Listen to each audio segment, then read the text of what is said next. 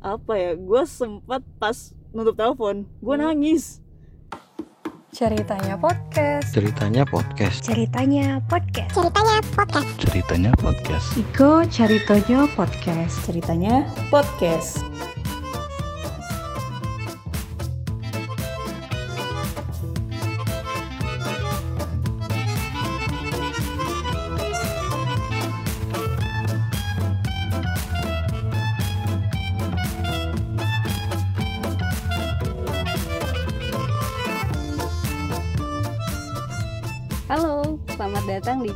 Podcast bersama gue Aya. Nah, di episode perdana ini gue ditemenin sama salah seorang temen gue, Sasa, eh, bukan nama sebenarnya, Em, untuk berbagi cerita tentang pengalaman dia sebagai penyintas COVID-19. Gimana sih awalnya dia bisa kenalan sama COVID, terus sampai akhirnya bisa sembuh dengan karantina mandiri mungkin langsung aja ya Eh, Sasa selamat datang apa kabar? Halo ayah baik alhamdulillah sekarang. Udah baik ya sekarang ya? Alhamdulillah Baik, udah alhamdulillah. sembuh. Terima kasih banget lo udah udah mau berbagi cerita dengan teman-teman ceritanya podcast. Gue perlu gambarin nih keadaannya. Kita di dalam mobil kita bertiga tapi duduknya jauh-jauhan. Hmm, dan tetap pakai masker? Iya tetap pakai masker dan aus ya karena kita lagi puasa Iya, bener. harus Siang hari ngomong lagi. gitu. harus ngomong tapi ya udahlah ini semua buat teman-teman ceritanya podcast oke sa jadi Yuk, mungkin gimana? bisa diceritain nih jadi sebenarnya gini sebelum sebelum gue memutuskan untuk mengundang lo gue sebelumnya lempar pertanyaan dulu nih ke beberapa teman-teman gue pertanyaannya gini kalau lo dikasih kesempatan buat ngobrol langsung nih sama penyintas COVID-19 apa sih yang bakal lo tanyain? Dan berikut ada sekitar 250 pertanyaan Eh, buset. Enggak enggak mau enggak buka puasa ntar saya mbak. Enggak cuman ada eh, sekitar tujuh pertanyaan lah. Oh gitu. Yang yang mereka tuh karena kan selama ini mereka dapat info misalnya dari pemerintah dari media itu cuman ya udah kita harus physical distancing. Kita tuh nggak bener-bener tahu gitu Eh, orang yang menyintas covid ini ngerasain apa aja sih gitu. Terus kegiatannya tuh ngapain aja? Mungkin bisa diceritain dari awalnya gimana sih lu bisa kenalan sama covid gitu? Gue sebenarnya gak kenalan. Dia Enggak. nyamperin dia. Eh gue dia yang nyamperin gue Eh, eh jadi eh, awalnya tuh gue gue kan kenanya di Maret kan. Pertengahan Maret. Jadi eh, gue kemungkinan gue nggak bisa pastiin ya dapatnya dari mana. Cuman kemungkinan besar itu gue dapatnya dari lingkungan kantor gue oke kenapa kenapa gue simpulin kayak gitu karena eh jadi seminggu sebelum akhirnya gue eh, apa namanya eh terkena eh, gejala COVID-19 Mhm. itu gue gua kan kayak eh, ngeliburin anak kantor gue akhirnya kan Mm, mm. itu di tanggal 12 Maret. Nah, terus eh, dari terakhir gua liburan anak kantor gue itu salah satu dari kita, dari kami itu eh, ada yang eh, tiba-tiba muncul gejala. Dari dia gejala itu dari dia demam, terus eh, sesak, dia dibawa dilarikan ke rumah sakit sama keluarganya. Nah, dari di rumah sakit itu udah ditahan. Pas dia ditahan eh, apa namanya? Dia udah eh, karena itu kan waktu itu masih awal-awal banget nih. Jadi kayak Mm-mm. kayaknya semua orang yang ke rumah sakit pasti ditahan langsung isolasi. Hmm, oke. Heeh, nah dari dia itu terus eh, ketahuan tuh akhirnya di tanggal apa namanya di hari Sabtu kita dikabarin kalau eh, dia bukan hari Sabtu hari, hari Minggunya tanggal 14 kan. Ah, Nah terus udah kita dikabarin semua. Nah setelah kita di apa kita dikabarin kalau dia isolasi dengan status eh, tertuduh COVID istilahnya kan karena Mm-mm. belum belum keluar hasil positifnya karena kan mesti nunggu 2-3 hari kan. Oh, oke. Heeh, dari situ gue udah mulai oke berarti kalau salah satu dari karena gue ketemu apalagi seminggu belakangan itu gue kan kayak eh, apa namanya ke mana-mana bareng dia Oh. sebelumnya Jadi ada kontak langsung ya. ada kontak langsung gue Heeh, heeh. Nah, terus ya udah pas ketahuan dia terus dua hari kemudian lagi dikabarin kalau dia positif ya udah gue udah kayak gue kemungkinan besar akan kena kan? Hmm, jadi udah udah gue udah mulai kayak isolasi di rumah mandiri gitu aja. Baru tapi gue nggak nggak langsung ada gejala. Cuman emang ada gejala kecil-kecil gitu kan kayak gue udah ngerasa yang badan gue nggak fit. Batuk-batuk. Gue gue batuk enggak tapi gue paling ngerasa itu emang kayak energi gue kayak cepet habis. Padahal gue di rumah doang gitu kan. Cuman gue selalu berpikiran positif kalau oh mungkin karena kurang produktif. Oke terus ya udah terus seminggu kemudian akhirnya gue ngerasain gue sebelum gue akhirnya ngerasa bener-bener oke gue kayaknya kena nih itu gue sempat jogging kan oh Eh, karena gue ngerasa eh, harus jaga imun gitu ya iya. Heeh. sehari setelah gue jogging akhirnya oke gue udah bener-bener nggak bisa istilahnya kehabisan tenaga gue tiba-tiba bangun bangun pagi kehabisan tenaganya tuh mungkin bisa digambarin gak sih Sa? kayak kita habis nge-gym kah atau kayak habis eh, trekking kayak habis apa gitu kehabisan yang gue rasain ya gue kayak gue pas bangun pagi itu gue kayak habis Hmm. digebukin oh sakit berarti sakit banget Sa- badan gue Oh. apa kayak semua sendi gue tuh sakit gitu rasanya kan Heeh, heeh. terus eh, apa namanya gue ngapa-ngapain capek gitu padahal ngapa-ngapain sebenarnya karena kan di Iya, rumah kan heeh, dan cuma jogging doang kan Iya. Nah, terus eh, udah mulai sesak, cuman gue sama sekali nggak ada demam. Hmm. Gue berusaha berpositif thinking kalau mungkin karena kurang produktif kan. Tapi akhirnya keesokan harinya gue bangun gue oke nggak bisa ini ini udah nggak normal gue rasa. Mm-mm. Udah deh gue bawa ke rumah sakit. pas lo cek di rumah sakit itu prosedurnya gimana sih maksudnya lo langsung bilang saya ada gejala covid nih saya minta dicek atau gimana Eh pertama gue kan nggak langsung ke rumah sakit rujukan kan. Mm-mm. Pertama itu gue ke rumah sakit swasta dulu. Niat Oke. gue untuk eh, apa namanya eh, buat apa namanya eh, cek paru-paru karena gue itu ada riwayat panjang soal penyakit paru-paru. oh, Gue ada asma dan gue bronkitis. oke Karena eh, jadi gue emang sebenarnya udah takut bener- udah takut duluan karena Heeh. karena kan si covid ini kan nyerangnya emang sistem pernafasan kan. Iya. Jadi gue emang bener-bener kalau gue udah ngomong kalau gue udah gejala dikit udah gue mau bawa, bawa langsung daripada gue nunggu gue kronis kan.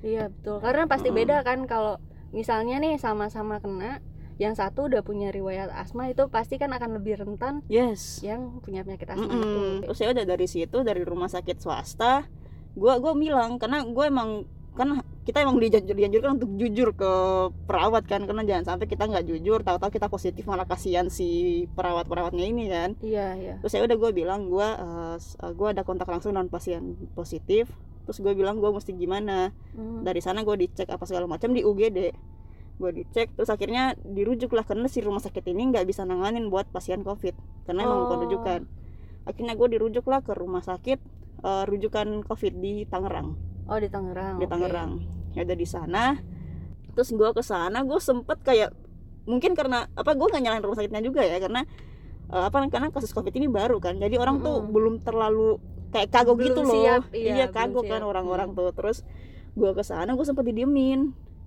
Kayak eh dicuekin gitu? dicuekin. Padahal gue udah udah bawa surat surat rujukan dari rumah Hmm. sakit swasta. Kalau gue adalah gue kemungkinan apa apa ya ODP ya ada kontak langsung dengan pasien positif. Iya. barulah di sana. Di sana gue akhirnya eh apa namanya eh dibawa ke ruangan.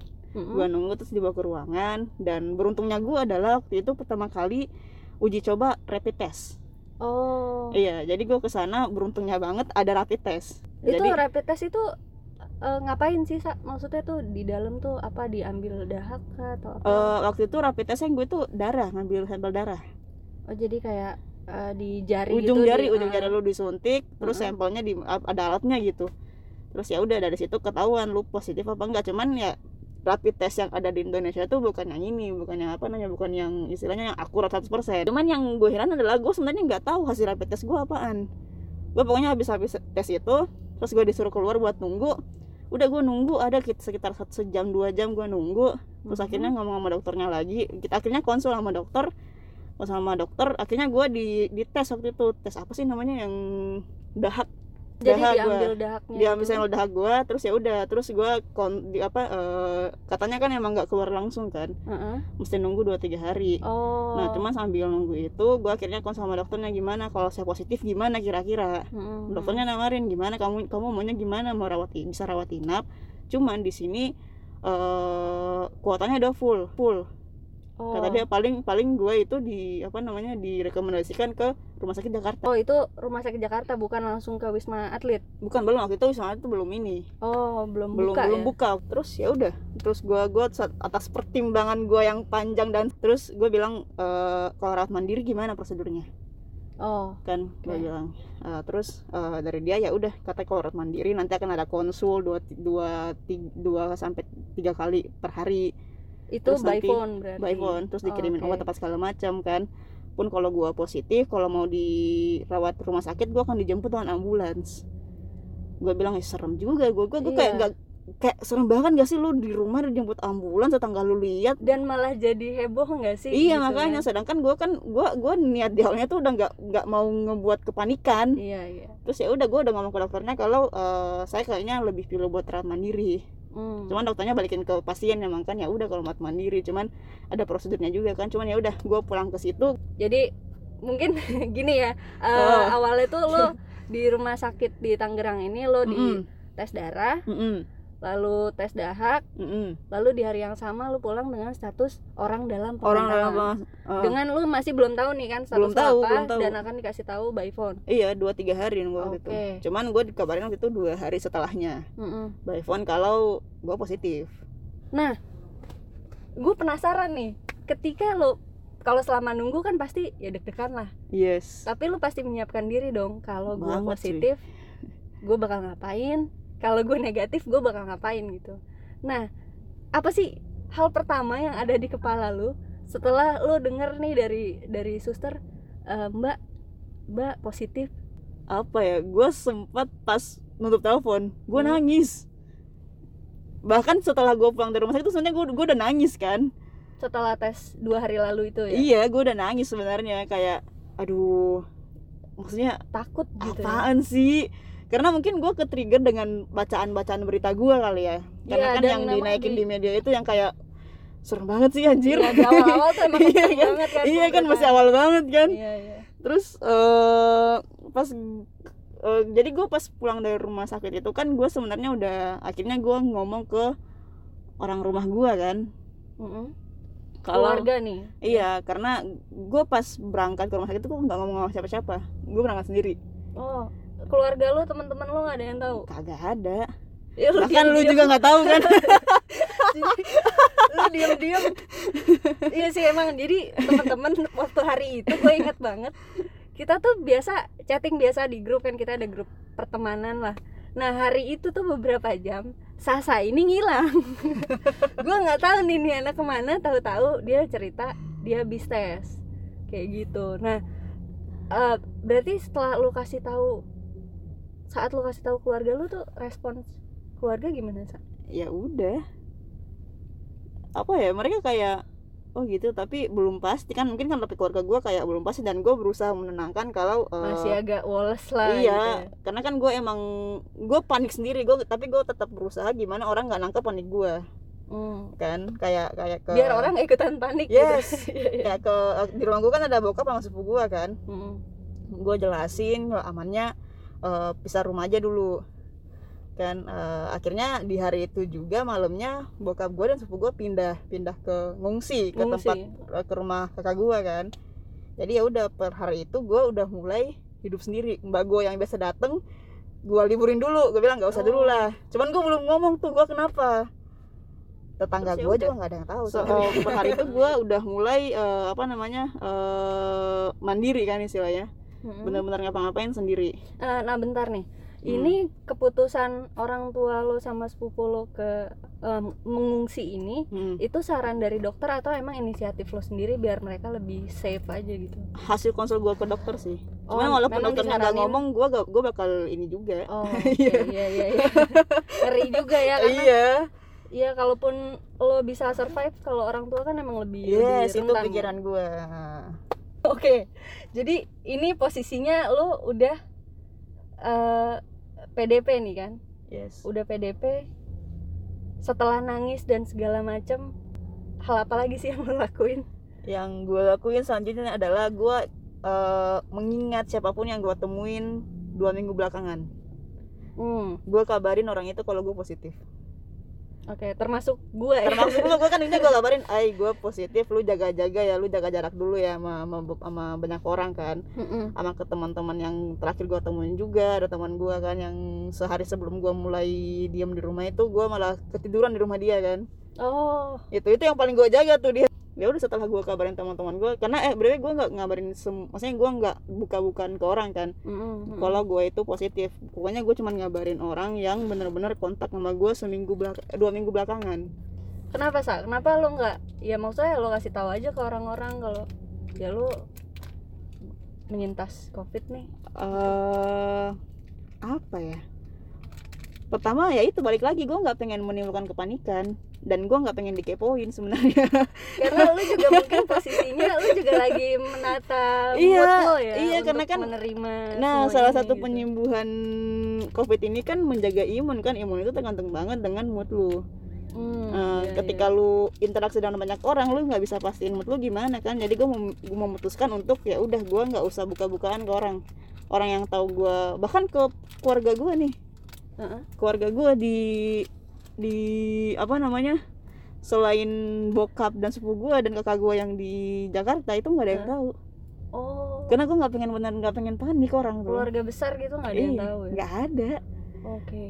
karena berita covid ini luar biasa di awal-awal ya, Ya, sekarang kan udah udah awal- agak ini turun berarti kan. posisinya pertengahan Maret ya sekitar tanggal 20 masih baru banget masuk di Indonesia. Nah, itu jadi sebenarnya gini kalau kalau lu mungkin inget kita terakhir ketemu itu tanggal 15 Maret yes setelah tanggal 14-nya lu ada kontak dengan uh, salah satu tim di kantor lu yang Hmm, uh, positif kan. yes Kita Hmm. masih 15 itu kita masih keluyuran, kita masih ke BBW di ICE. Dan kita masih masih santai aja gitu kayak oh ya udah ada Covid tapi kita sehat. iya Nah, waktu itu juga belum ada anjuran ini juga kan dari Belum. pemerintah Anjuran itu di tanggal 16. Jadi yes satu hari setelah kita main bareng lah pokoknya itu. Nah itu menariknya adalah di tanggal sekitar tanggal 19-an mungkin ya. Jadi tiga hari setelah kita ketemu. Ini sebelum lo ada sebelum lo ada ini ya, sebelum lo ada keluhan segala macam, Mhm. gua itu sempet tiba-tiba demam. oh gitu Tiba-tiba, iya. Gue sempet 38 derajat Celcius oh Nah, iya ingat udah- Gua ingat, udah-. Iya, gue udah Nah. parno tuh. Kayak, wah, gue terakhir kemarin ketemu Sasa nih. Sasa kan terakhir ketemu teman kantor yang eh, PDP kan satu hari sebelum ketemu gue. Itu gue parno, gue parno. Gua kebayang sih Pano lu gimana. Dan gue kayak gue dua hari di kamar full gue dua hari di kamar gue pakai masker. Karena gue parnonya tuh bukan ya gue nganggap mungkin gue masih agak muda lah. Gue takutnya tuh gue jadi carrier terus nyokap atau bokap gue di rumah kena. Nah itu sih yang yang yang gue takutin banget gitu. Ya, emang itu ya semua Iya. orang kayaknya nangkutin itu iya lebih lebih Nah, takut dibanding kalau ya gue doang gitu yes kan. nah gue juga ngerasain begitu tuh.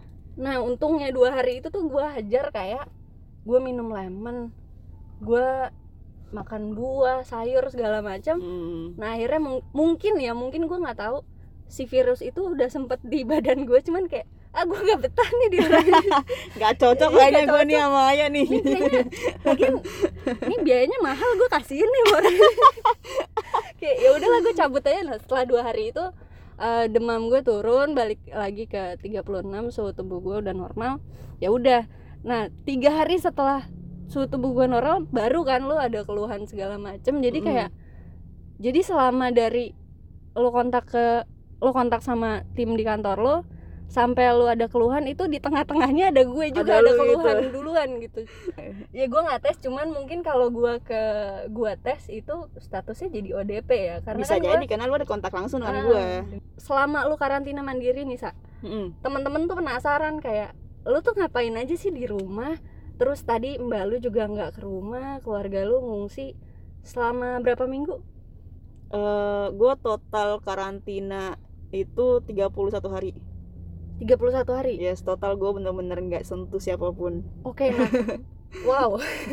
Berarti satu bulan full ya? Satu bulan full. Selama 31 hari ini nih kegiatan yang lo lakuin di rumah selain nangis nih ya? Selain nangis karena itu udah pasti dan Pasti. semua orang pasti pasti bakal ya gila banget sih. Karena gini loh gue sendiri aja yang di rumah maksudnya yang sehat tapi harus di rumah tuh kayak lu interaksi juga sama orang lain iya kan? gue interaksi gue Eh. masih ngobrol gue tuh di rumah tuh kayak bingung gitu loh. Malam nih malam tuh agenda gue gue selalu nyatet kegiatan gue besoknya kan gue mau ngapain. Yang gue pikirin besok rebahan hadap ke kiri atau ngadep ke kanan. Ya ada kiblat gitu ya. Kayak udah saking gak pentingnya gitu loh. Hmm. saking gak pentingnya ya, mohon maaf ada yang jatuh ini. Nah lu tuh ngapain di rumah? Gua ngapain ya?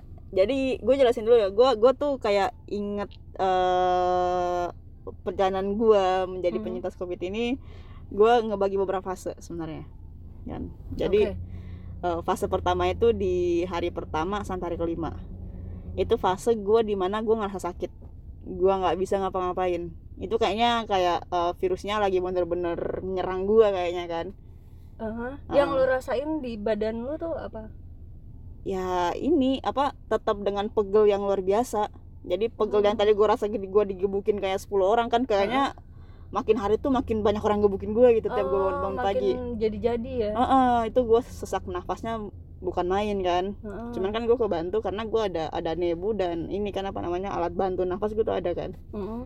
terus eh apa ya gua tapi gua nggak ada demam sama sekali ya. Oh, cuman jadi suhu tubuh itu normal? Normal gua. Oh. Gua normal suhu tubuh gua sampai hari ke-14 terus karena satu ha- hari satu sampai lima itu gua nggak bisa ngapa-ngapain benar jadi kayak gua kalau eh, makan kan gua bikin sendiri kan. Heeh. tapi gua beberapa kali teman-teman gua juga kayak ngirimin gua makanan kan. Nah situ terus ya gua nggak berke- berkegiatan produktif lah satu sampai lima itu.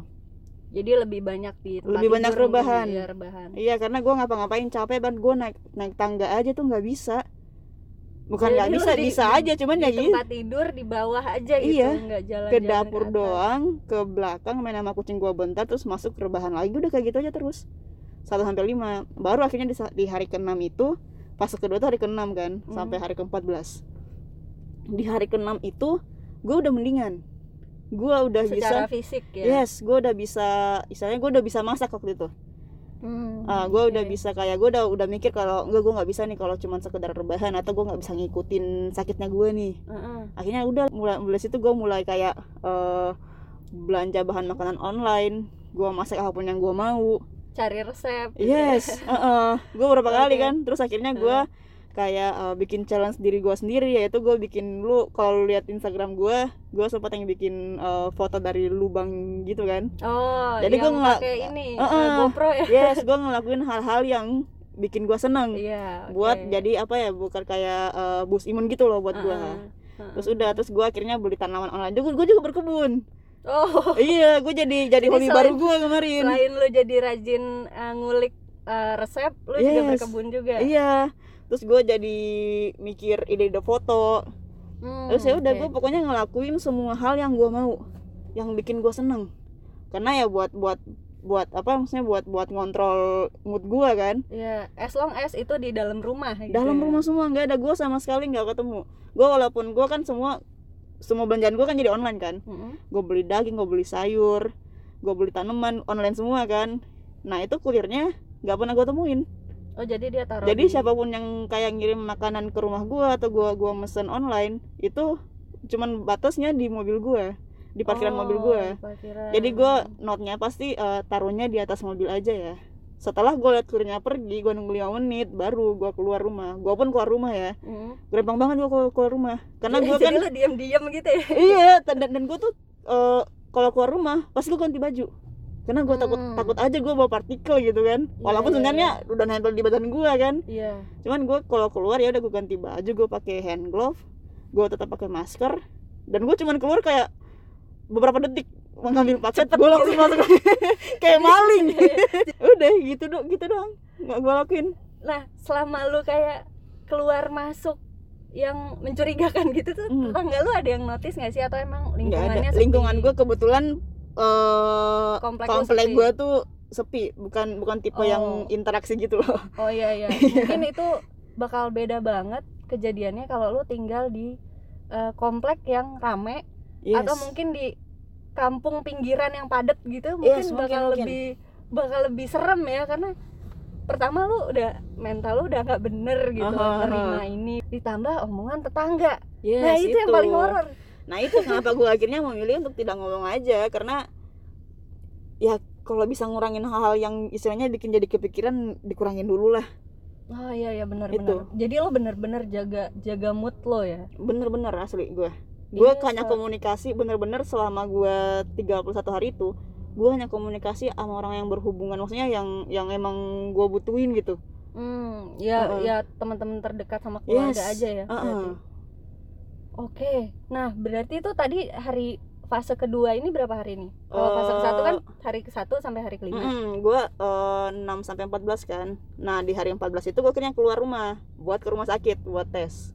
Oh karena memang itu panggilan Ah, dari dokter? dari dari dokternya buat Oh. gue di hari ke 14 itu ke rumah sakit kan ya gue pikirannya karena yang kita baca kan 14 hari itu masa penyembuhan 14 hari kan? Iya gue masa mikirnya gue udah semangat nih gue si bangun pagi gue udah Ah. pa- bangun pagi tuh udah, udah kayak udah penuh harapan gitu oke gue sembuh nih. Iya aku akan melihat dunia. Yes, gue bilang kayak gitu kan gue bakal bisa salaman sama orang gue bakal Iya. bisa pelukan sama orang karena kangen banget meluk orang anjir.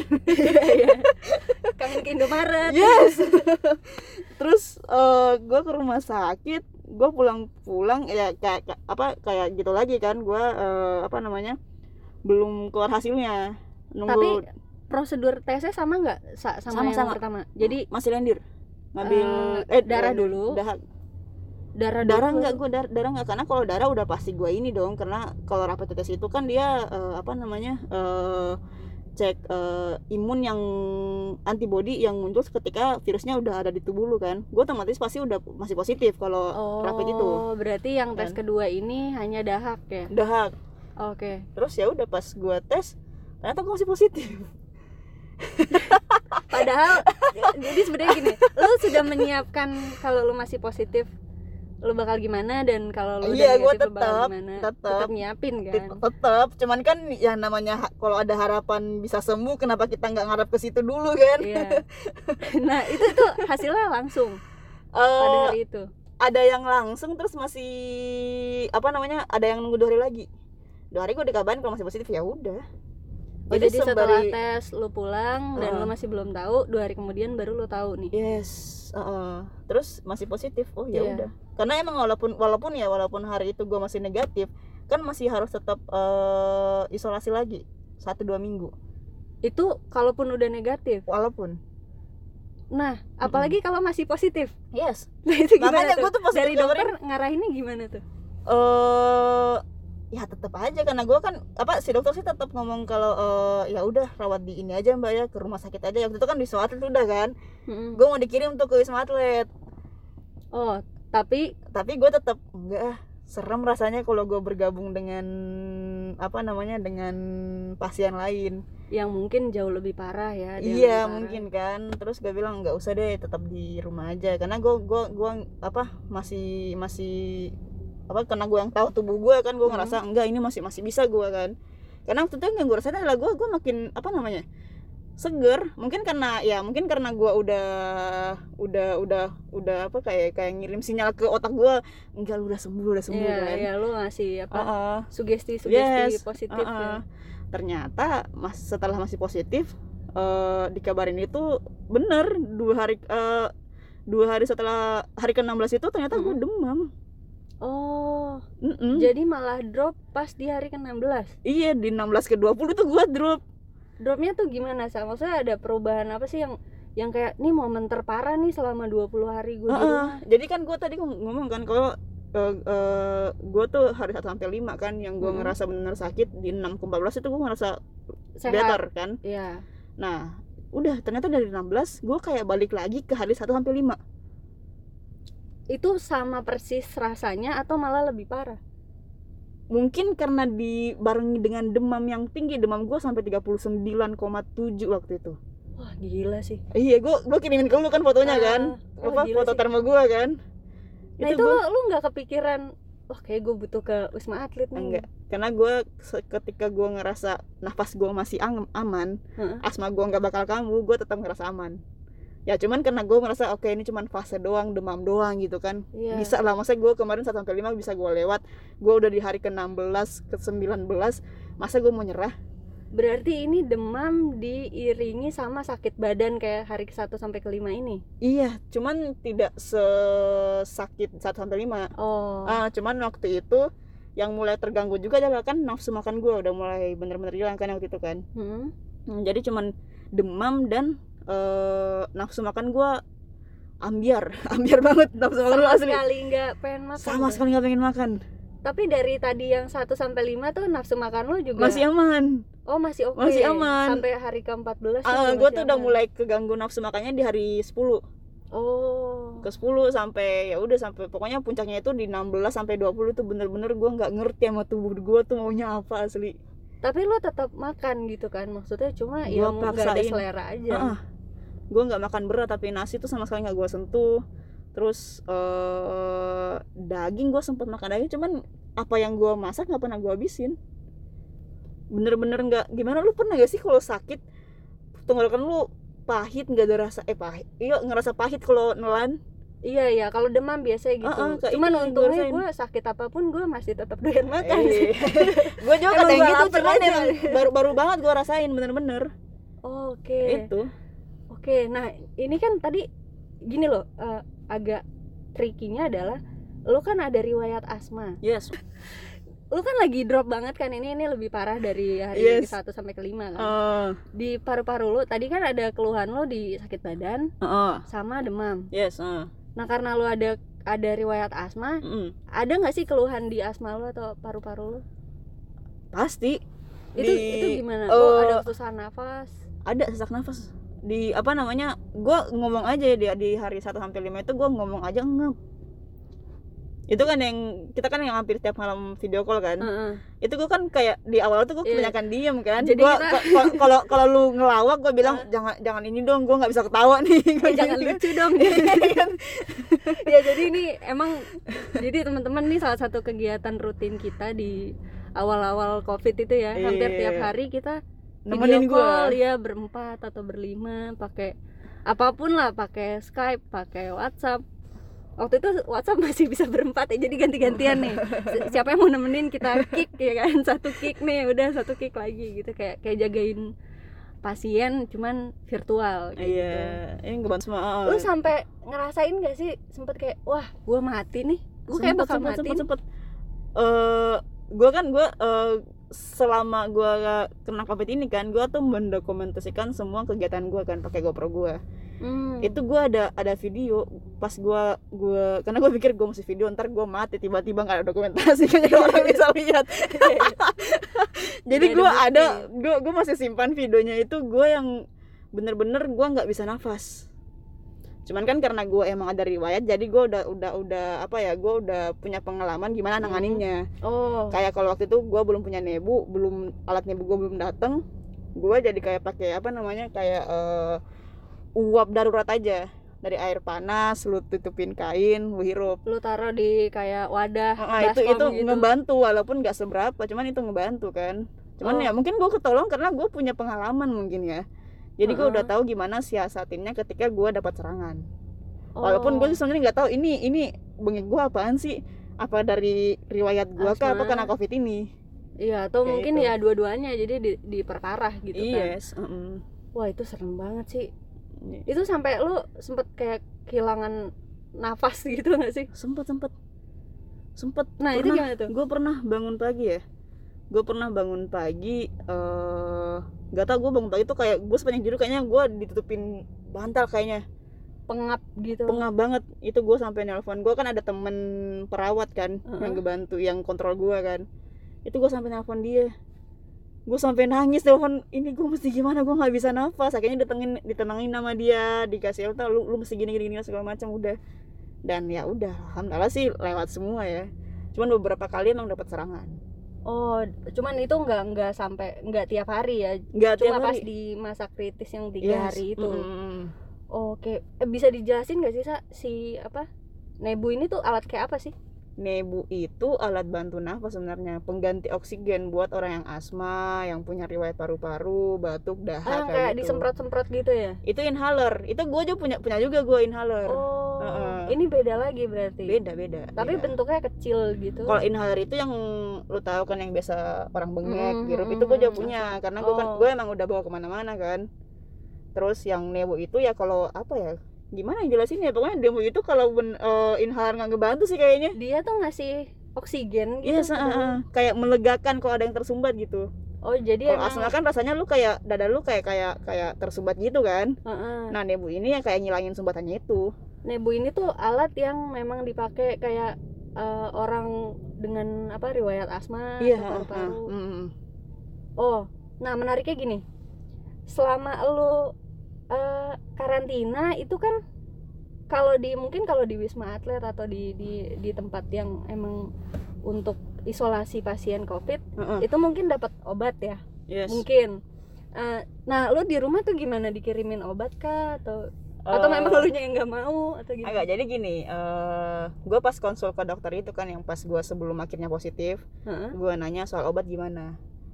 Karena kata dia kan obat emang obat covid sampai sekarang tuh nggak ada kan iya iya. di mana pun seluruh dunia itu nggak ada. Vaksin kan kalaupun. Itu pun belum valid juga vaksin yang Iya. di berita ada kan itu belum Hmm. valid. Ada ada atau eh, benar-benar bisa nyembuhin apa gimana kan. Sampai dokter ada info nggak sih obatnya itu apa apakah dia apa semacam antibiotik atau? Eh waktu itu dokternya ada ngomong cuman gue lupa ya nama obatnya apa ya. Cuman dokternya lebih ngomong kayak gini loh perbanyak eh, nutrisi. Oh. terus vitamin eh, vitamin apa namanya vitamin C. D E C gitu kan Heeh. banyakin. Terus waktu itu gue mau dikirim kata katanya waktu itu yang mau yang mau dikirim ke gue adalah antibiotik yang kom, eh, yang maksudnya yang connect sama asma gue dan itu eh, vitamin juga. Hmm, oke. Mm-mm. nah itu itu apa? Bentuknya antibiotik atau lebih ke suplemen? Antibiotik. Jadi gue ada minum vitamin juga vitamin C. Oh jamu-jamu gitu ada jamu ada gue minum biar cuman cuman gue nggak tahu gue nggak demen aja sama jamu ya tapi lu ada sempet konsumsi gitu Sempet kan karena kan konsumsi. katanya ya karena yang dua hari gue sempet drop itu juga gue Hmm. cari tahu kan kayak Hmm. katanya eh, jahe kunyit itu bisa bisa bantu perbaikin imun lo Eh, gue Nah, itu tadinya ada konsumsi. gue konsumsi terus akhirnya gue berhenti tahu-tahu ada ngirimin gue kan jamu itu kan itu misterius ya iya ya sampai sekarang tuh gue nggak tahu siapa yang ngirimin gue jamu Iya. gitu oke berarti buat temennya Sasa di mana pun berada yang sempet kirimin jamu eh, mungkin ada ada yang mau disampaikan Sa? Iya terima kasih tapi ngirimnya tolong ngomong-ngomong nih jamu kan bentukannya kayak racikan apa gitu gue takut pelet anjir untung jamu ya Untung Untung jamu. jamu. Oke, nah itu tadi kan kayak lo sempet cerita kegiatan buat memperbaiki mood lo tuh masak, yes terus Mm. foto-foto, foto-foto apa pun ya kan. Mm. Terus eh, ada lagi nggak sih yang akhirnya nih kegiatan yang sebelumnya tuh lo belum pernah lakuin karena ini kan durasi 31 hari itu lama banget gitu. Mm. Kayak dua hari aja kita nonton doang aja bosen gitu 31 hari tuh selain masak sama eh, berkebun tuh kegiatan lu ngapain lagi tuh Sa? apa gitu M- mungkin Eh. jadi model virtual photoshoot oh iya jadi eh gue selama gue ngedekam di rumah ini gue kayak eh, ngebalikin hobi lama gue sih kebanyakan kayak gue kan gua kan setahun dua tahun ini gue kerja itu di yang bukan bidang gue istilahnya kan Mm-mm. gue akhirnya setelah gue nggak eh, mendekam di rumah gue kayak hobi gue di zaman kuliah dan zaman kuliah eh, SMA itu gue balikin Hmm, Ah. lu ngapain aja tuh jadi gue gue eh, apa kayak gue kayak gitu orang aja sih kayak eh, virtual photoshoot lu jadi model apa yang foto enggak gue tukang fotonya. Oh lu tukang fotonya iya jadi gue temen-temen lu yang- motoin orang-orang. Oh. terus apa namanya gue ngedit ngedit apa segala macam dan yang terbaru tapi gue buatnya setelah gue sembuh sih. Yaitu Mm-mm. gue bikin ada apa ya kayak musikalisasi puisi gitu gue buat. Oh udah Ah. rilis tuh? Udah di Instagram gue Oh. lu udah lu kan ikut. Iya, kan ceritanya ala-ala. Oh, gitu. jadi ala-ala guys. Ya jadi gini gue ceritain dulu kali ya kemarin itu selama ya pokoknya selama waktu karantina. Sasa sempat WhatsApp gue eh eh gue ada puisi nih. Bacain yuk rame-rame gitu ganti-gantian. Jadi misalnya gue kebagian lain apa terus temen yang lain kebagian lain apa itu rame-rame. Nah itu rencana awalnya itu kita eh, bacain puisi tapi ada muka kita ya kan? Iya. Cuman akhirnya gimana tuh sa? Eksekusinya? Eksekusi tadinya tuh awalnya gue pengennya kayak ya udah gue bikin musikalisasi puisi aja gue bikin puisi terus eh dibacain nama siapa gitu kan? Dibacain nama satu Mhm. orang aja gitu gue cari siapa yang suaranya paling bagus gitu kan? Mm-mm. terus gue rilis cuman akhirnya gue rasa oh, enggak ya gue mesti karena puisi gue ini. Kan istilahnya kayak gue pengen orang tuh memperingati covid ini setelah lewat ini kalau kita pernah ngelewatin masa ini gitu loh. Hmm, oke. Ya kan? Akhirnya gue pikir eh, kayaknya akan lebih deep kalau gue ngajak banyak orang dari berbagai profesi. Buat bacain buat bacain. puisinya. akhirnya ya udah kekumpul berapa temen gue ada sekitar 15 orang mungkin yang baca puisinya. Terus eh, yang tadinya gue minta orang buat eh, baca puisinya apa video-video kan Mm-mm. terus ngerasa ah enggak kurang ah kalau gue cuman kayak apa kayak kurang nyentuh aja gitu kalau cuman ngeliat ngeliat muka orang baca doang kan. Akhirnya gue eh, dapat video tuh di Instagram dari Bra Bramaditya kalau nggak salah namanya ya. Brahma- gue izin ke kreatornya boleh nggak bang pakai videonya untuk eh, musikalisasi puisi saya? Yang Jakarta sepi banget gak ada orang gitu kan? Itu kan enak banget kan videonya kan. Heeh, ternyata nyambung sama sama ini gue sama puisi gue ya mungkin nanti kita bisa kasih temen-temen iya apa aja. pendengar cerita podcast buat Iya. dengerin ya di sini ya Ah, dan dapat apresiasi banyak orang sih seneng banget gue Wah, Anjay. Berarti selama 31 hari itu lo sangat produktif ya dari mulai masak berkebun dan Ba- akhirnya bikin puisi bener-bener apa yang yang melibatkan banyak orang. ya gue jadi kayak banyak interaksi dan kayak apa ya seneng banget sih gue kayak gue lama nggak ngelakuin ini gitu loh. Gue lama tidak tidak berkarya seperti ini lagi. Sampai akhirnya gue ketemu si covid yang benar-benar gue kayak dipenjara di rumah ternyata sisi positifnya adalah ini. Iya, malah kayak eh, kayak ngingetin lo gitu loh. eh, ini loh kegiatan lo yang, yang iya ini selama loh hal yang bikin lo lo ngerasa hidup dan gue emang ngerasa hidup banget anjir setelah ngelakuin ini. Berarti thanks COVID-19 yes. Ada hikmahnya maksudnya segala Ada, sesuatu ada. pasti ada pasti hikmahnya. ada itu Nah, oke, tadi kan perjalanan ini, Sa. Hmm. Perjalanan selama lo eh, dari mulai sebelum sakit sampai eh, inilah apa eh, karantina segala macam. Mm.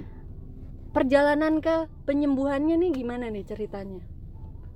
penyembuhannya Proses penyembuhannya. Jadi dari apakah lo dipanggil dokter lagi atau buat tes atau memang Oh, lo oke, punya oke. punya ini nih, punya ide sendiri kayaknya gue udah enak nih gue pengen ke rumah sakit deh. Hmm, Oke, Eh, jadi setelah gue kan gue ke rumah sakit itu kan di hari eh, pertama, terus hari ke-14 gue ke rumah sakit lagi kan, Iya. gue masih positif, terus dari dokternya ngomong kalau coba cek seminggu lagi. Oh, Heeh, Oke. gitu. Karena kan emang eh, siapa tahu emang karena masa apa ya kayak masa inkubasinya si virus aja gitu dari 14 ke 21. mm, mm, mm. Kan? berarti ini udah masuk minggu ketiga ya? Udah masuk minggu ketiga. Akhirnya gue lupa ke hari hari ke 2 25 apa ya kalau nggak salah gue akhirnya ke rumah sakit.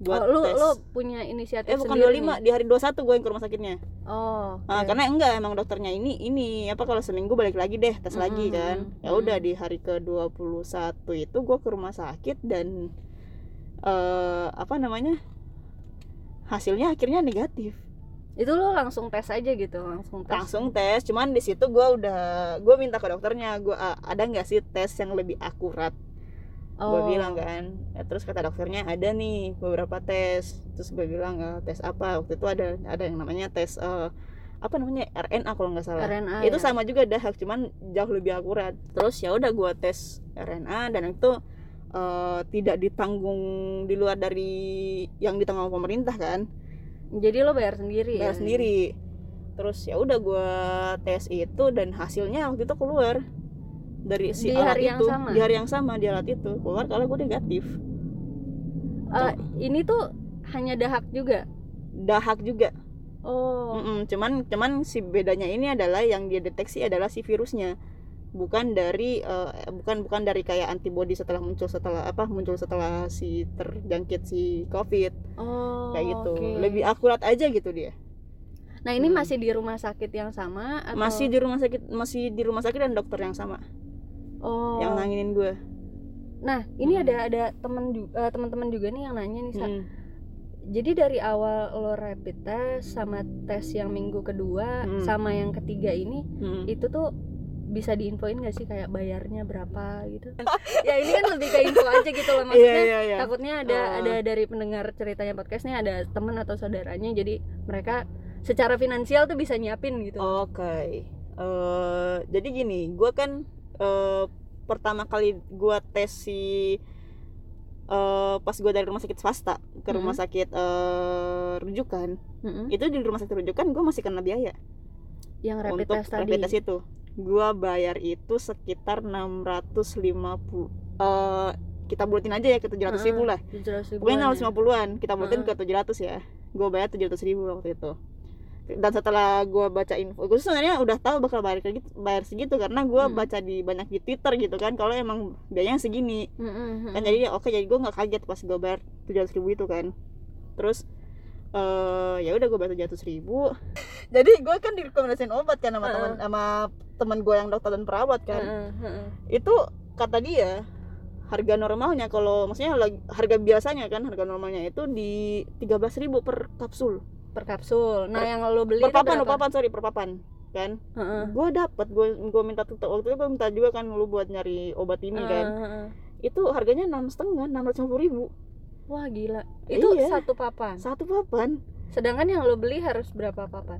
Eh kesakomisi gue aja waktu itu di- disaranin buat beli per obat tuh dua papan gitu kan belinya. Oh. Terus ya udah dan mahal banget obat waktu itu kalau Gila. kalian mungkin mungkin yang nggak tahu ya kok mungkin karena nggak semua obat yang naik mungkin obat-obat yang spesifik spesifiknya itu ke pernafasan dan paru-paru Heeh, heeh. itu harganya tuh gila-gilaan kemarin jadi total lo berapa tuh buat obat obat yang disaranin temen lo yang dokter ini? eh gue akhirnya dapet yang nggak seharga itu kan karena eh dengan kekuatan orang dalam gue akhirnya dapat obat Iya. yang tidak orang seharga dalam adalah kunci iya tidak seharga pasaran yang lagi tinggi banget kan tapi Heeh. tetap tapi tetap eh, masih tinggi masih naik sekitar 100-200 persen lah Hmm. gue bayarnya waktu itu cuman mungkin sekarang mungkin sekarang kena lebih apa ya karena mungkin distribusi obat juga udah udah mulai lancar mungkin udah sekarang ya ya sekarang Heeh, mungkin nggak semahal kemarin Mm-mm. terus udah setelah selain obat itu apa namanya yang gua di hari ke-14 itu gua hari ke-14 gua nggak ada bayar sama sekali oh yang tes kedua berarti hari free kedua ya? kan waktu itu kan rapid akhirnya mungkin mungkin udah agak udah agak udah agak apa sih namanya udah banyak kali Ah, ya ah, alatnya. ah, ah. Mm. Eh, terus di tes yang kedua yang ketiga itu karena gua emang pengen tes yang lebih akurat Mm-mm. dan itu emang emang nggak ditanggung sama pemerintah teseran itu nggak ditanggung sama pemerintah gue Mm-mm. bayar itu 2 jutaan Oke, berarti Mm-mm. udah udah di sekitar 3 jutaan lah ya buat eh, tes-tes segala macam dan kan gue gue tes lagi kan di hari ke Iya. ini gue tuh seminggu kemudian gue tes lagi gue bayar lagi 2 jutaan dan gue gue boleh cerita nggak sih gue sempet sial sebenarnya kenapa tuh? Eh, Sebenarnya ntar sebenarnya dari tadi kita cerita juga ini kesialan semuanya sial sih. Covid ini juga ada sial gitu. Ada ada kesialan lain apa? ada kesialan lain jadi setelah gue dinyatakan negatif gue kan emang pengen eh, apa namanya screening paru-paru Oh, kan gue screening paru-paru ke ini ada setelah lu negatif. setelah gue ya? udah gue udah negatif udah dinyatakan negatif Oke. sama rumah sakit udah Hmm. udah istilahnya gue udah udah bener-bener masuk ke, ke list negatif lagi udah bukan positif lagi pasien sembuh gue Mm-mm, mm-mm. kan gue akhirnya mau screening ke rumah sakit swasta Oh, oke. Heeh. Ini yang agak mahal itu ya? iya yang agak mahal yang tiga huruf itu loh Iya. Oke. terus gue ke sana gue tadinya nelpon kan gue gue jelasin gue jujur sama dia kalau gue eh, apa namanya eh, pasien sembuh dari covid mau screening paru-paru buat mastiin karena di rumah sakit rujukan ini nggak bisa Hmm. kan terus dari dia diain di telepon tuh oke bisa bisa nggak nggak masalah kan mbak ada ada ada prosedur khususnya nggak? Dari dia "Eh, nanti ke sini aja nanti lapor lagi apa segala macem. Kita yang kerjain apa segala macem kan. Mm-mm, mm-mm. udah tuh gue ke sana buat screening paru-paru kan. Gue di pintu gue dicegat. Kenapa tuh? gue nggak bisa masuk karena katanya gue pasien ini apa namanya pasien Dalam mantan pasien iya Oh. mantan pasien covid kan gue dan Ntar, dari situ si petugasnya ini tahu dari mana? Apakah dia lihat dari jauh dia punya Google Glass gue gitu? nggak paham. Waktu itu kan lo pendataan, nama? pendataan, Oh. pendataan. Oh. Gue nyebutin nama karena di telepon juga kan nyebutin nama kan. Nah Hmm. udah pendataan di depan di depan lobi, gue sebutin nama gue ditahan. Gue ditahan dan gue mesti ke tenda darurat COVID-19 di rumah sakit itu. Ya udah gue Wow. gue mikir oke lah mungkin mungkin ini prosedur Mm-mm, kan ya udah gue ikutin dan ini keselamatan banyak orang juga kan. Mm-mm. karena siapa tahu mereka uh, worry juga gitu kan gue masih masih ada virusnya. Ikutin gue ke tenda darurat gue jalanin tes lagi di sana. Dan bangkainya adalah di sana buat tes itu mesti tesnya itu bersifat memaksa dan membayar lumayan. Bayarnya berapa tuh? Bayarnya itu 1,4 total gue bayar. Itu Dan yang untuk bikin- dan yang untuk rapid test rapid test doang. Yang rapid test gue tahu jelas sudah gratis. Iya. Nah di rumah sakit itu gue mesti bayar dan bikin bangkainya. Di situ ada ada kan gue minta billingnya kan. Gue bilang Heeh. apaan sih yang gue bayar nih? Sampai sampai segini apaan sih nih? Kan Mm-mm. kan mesti tahu juga kan. Mhm. gue lihat itu ada kayak kita mesti bayar APD jadi kita bayar APD yang dipakai oleh gue pikir APD itu yang yang pakai gue gitu kan. Kan Hmm. bukan yang dipakai medis. Kita yang mesti bayar APD APD itu kan kayak apa ya udah kayak SOP-nya rumah sakit kan bukan kita yang beli Iya, gitu kan. iya, ya iya. gitu kita disuruh bayar kemampuan. Lu bayangin ketika gua gua ada kemampu- kemampuan buat bayar.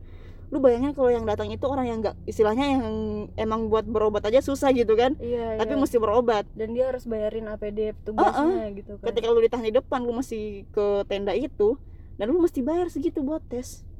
Padahal ini kondisinya ini kan baru-baru ya padahal ini Mm-mm. kondisinya APD nih udah udah banyak ya pasokannya Iya, udah- udah- iya, kayak awal-awal itu loh Mm-mm. yang sampai dan harus yang bikin gue kesel adalah hujan gue udah tes yang lebih akurat istilahnya di sini gue Heeh. cuma di cuma rapid tes gue ketemu dokter profesional juga enggak bukan bukan profesional maksudnya dokter yang gue kan niatnya mau ketemu paru-paru kan Mm-mm. yang gue ketemuin juga dokter umum jadi ini tuh prosedur yang lo lakukan even sebelum lo screening paru yes gue nanya screening paru yang lu tahu harganya berapa gue mesti nambah keluar duit lagi buat bayar si tes tes ini. Oh padahal udah jelas-jelas lo udah negatif udah ya jelas-jelas gue udah negatif gue diinfoin lewat telepon ternyata gue semacam gue kayak dijebak aja sih rasanya.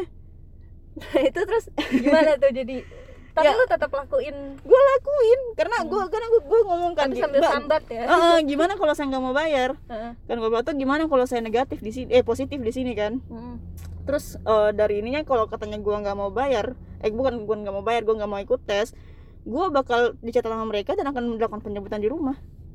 Wah itu ini menurut gue sih. apaan sih ini? Ini kayak ngancem ngejebak. Iya, iya, ini iya. apaan sih? Setengah ngancam ya. sempet sempetnya bisnis gitu loh di tengah-tengah wabah kayak gini. Heeh. ini parah sih. Itu itu itu dari maksudnya gue lebih banyak ngeluarin buat tes yang lain tapi gue benar-benar gak ikhlas sampai hari ini buat tes itu asli.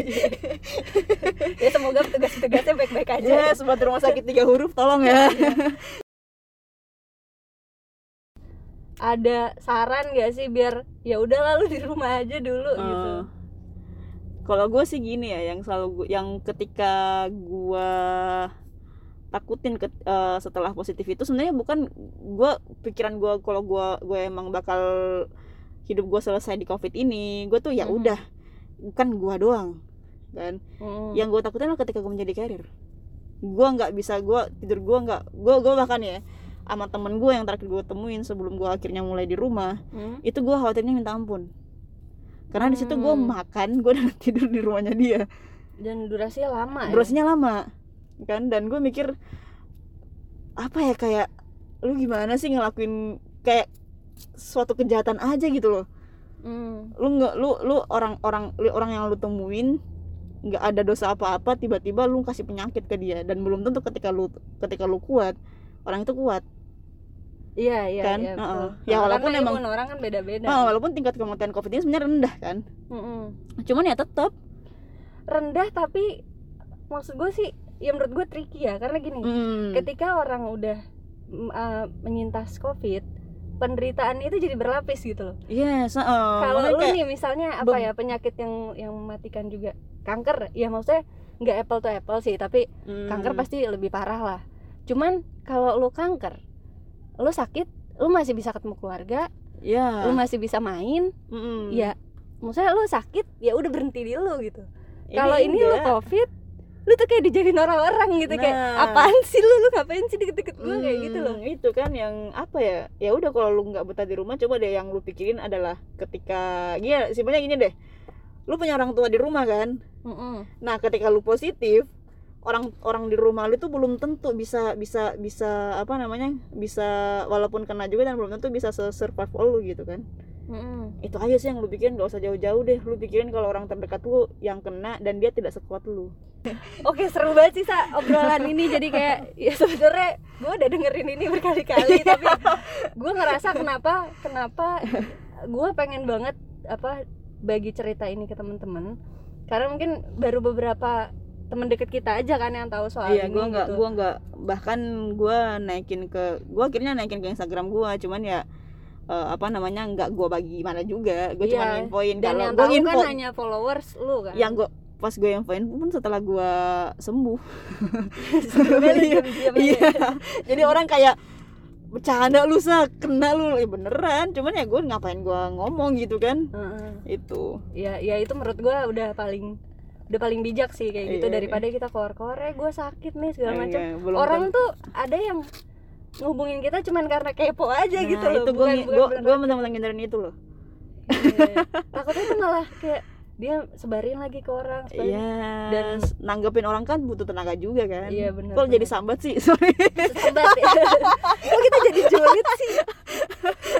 Enggak, tapi emang berarti emang ini akan lebih berat sih buat teman-teman yang ini agak spesifik ya. Mungkin Mm. dia sama pacarnya udah LDR, dia sama temen-temennya harus physical distancing juga Yes, gitu. Tapi uh, ya mungkin teman-teman ini adalah hal terbaik saat ini yang bisa kita lakukan gitu mungkin buat teman-teman yang dengerin yang positif juga atau mantan eh, penyintas aja penyintas Ah. seperti Sasa ya mungkin bisa jadi eh, apa ya ya kalau lu nggak sendiri gitu loh yes, ini ada uh, ada ada temen yang bisa sembuh juga loh yes, gitu. uh, nah mungkin satu lagi sa. Yes apa? setelah lu eh, sebelum lu melewati fase penyembuhan Uh, apa sih yang bikin lo yakin bahwa oke someday gue bakal sembuh gue kan setelah gue gua dinyatakan positif, gue akhirnya banyak cari berita berita positif juga. Bukan positif tapi yang bukan bukan kasusnya yang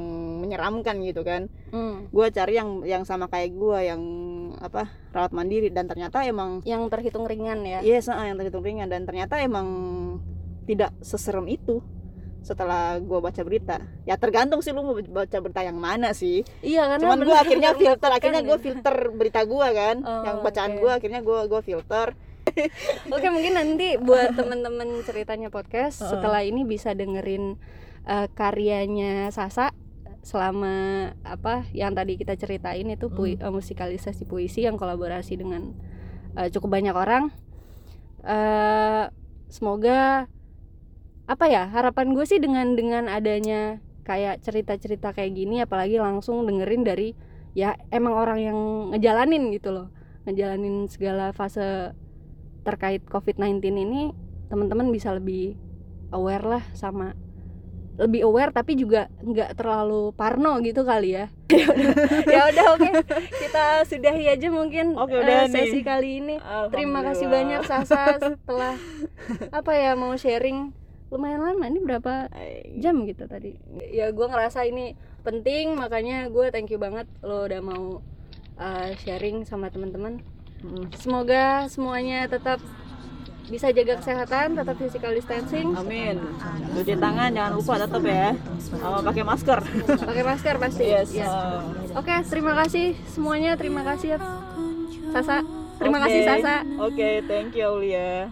Uh, thank you udah dengerin ceritanya podcast gue Aya Gue Sasa. terus apa terus ya udah dengerin Ya aja ini dengerin puisinya lagi. ya. Uh. bye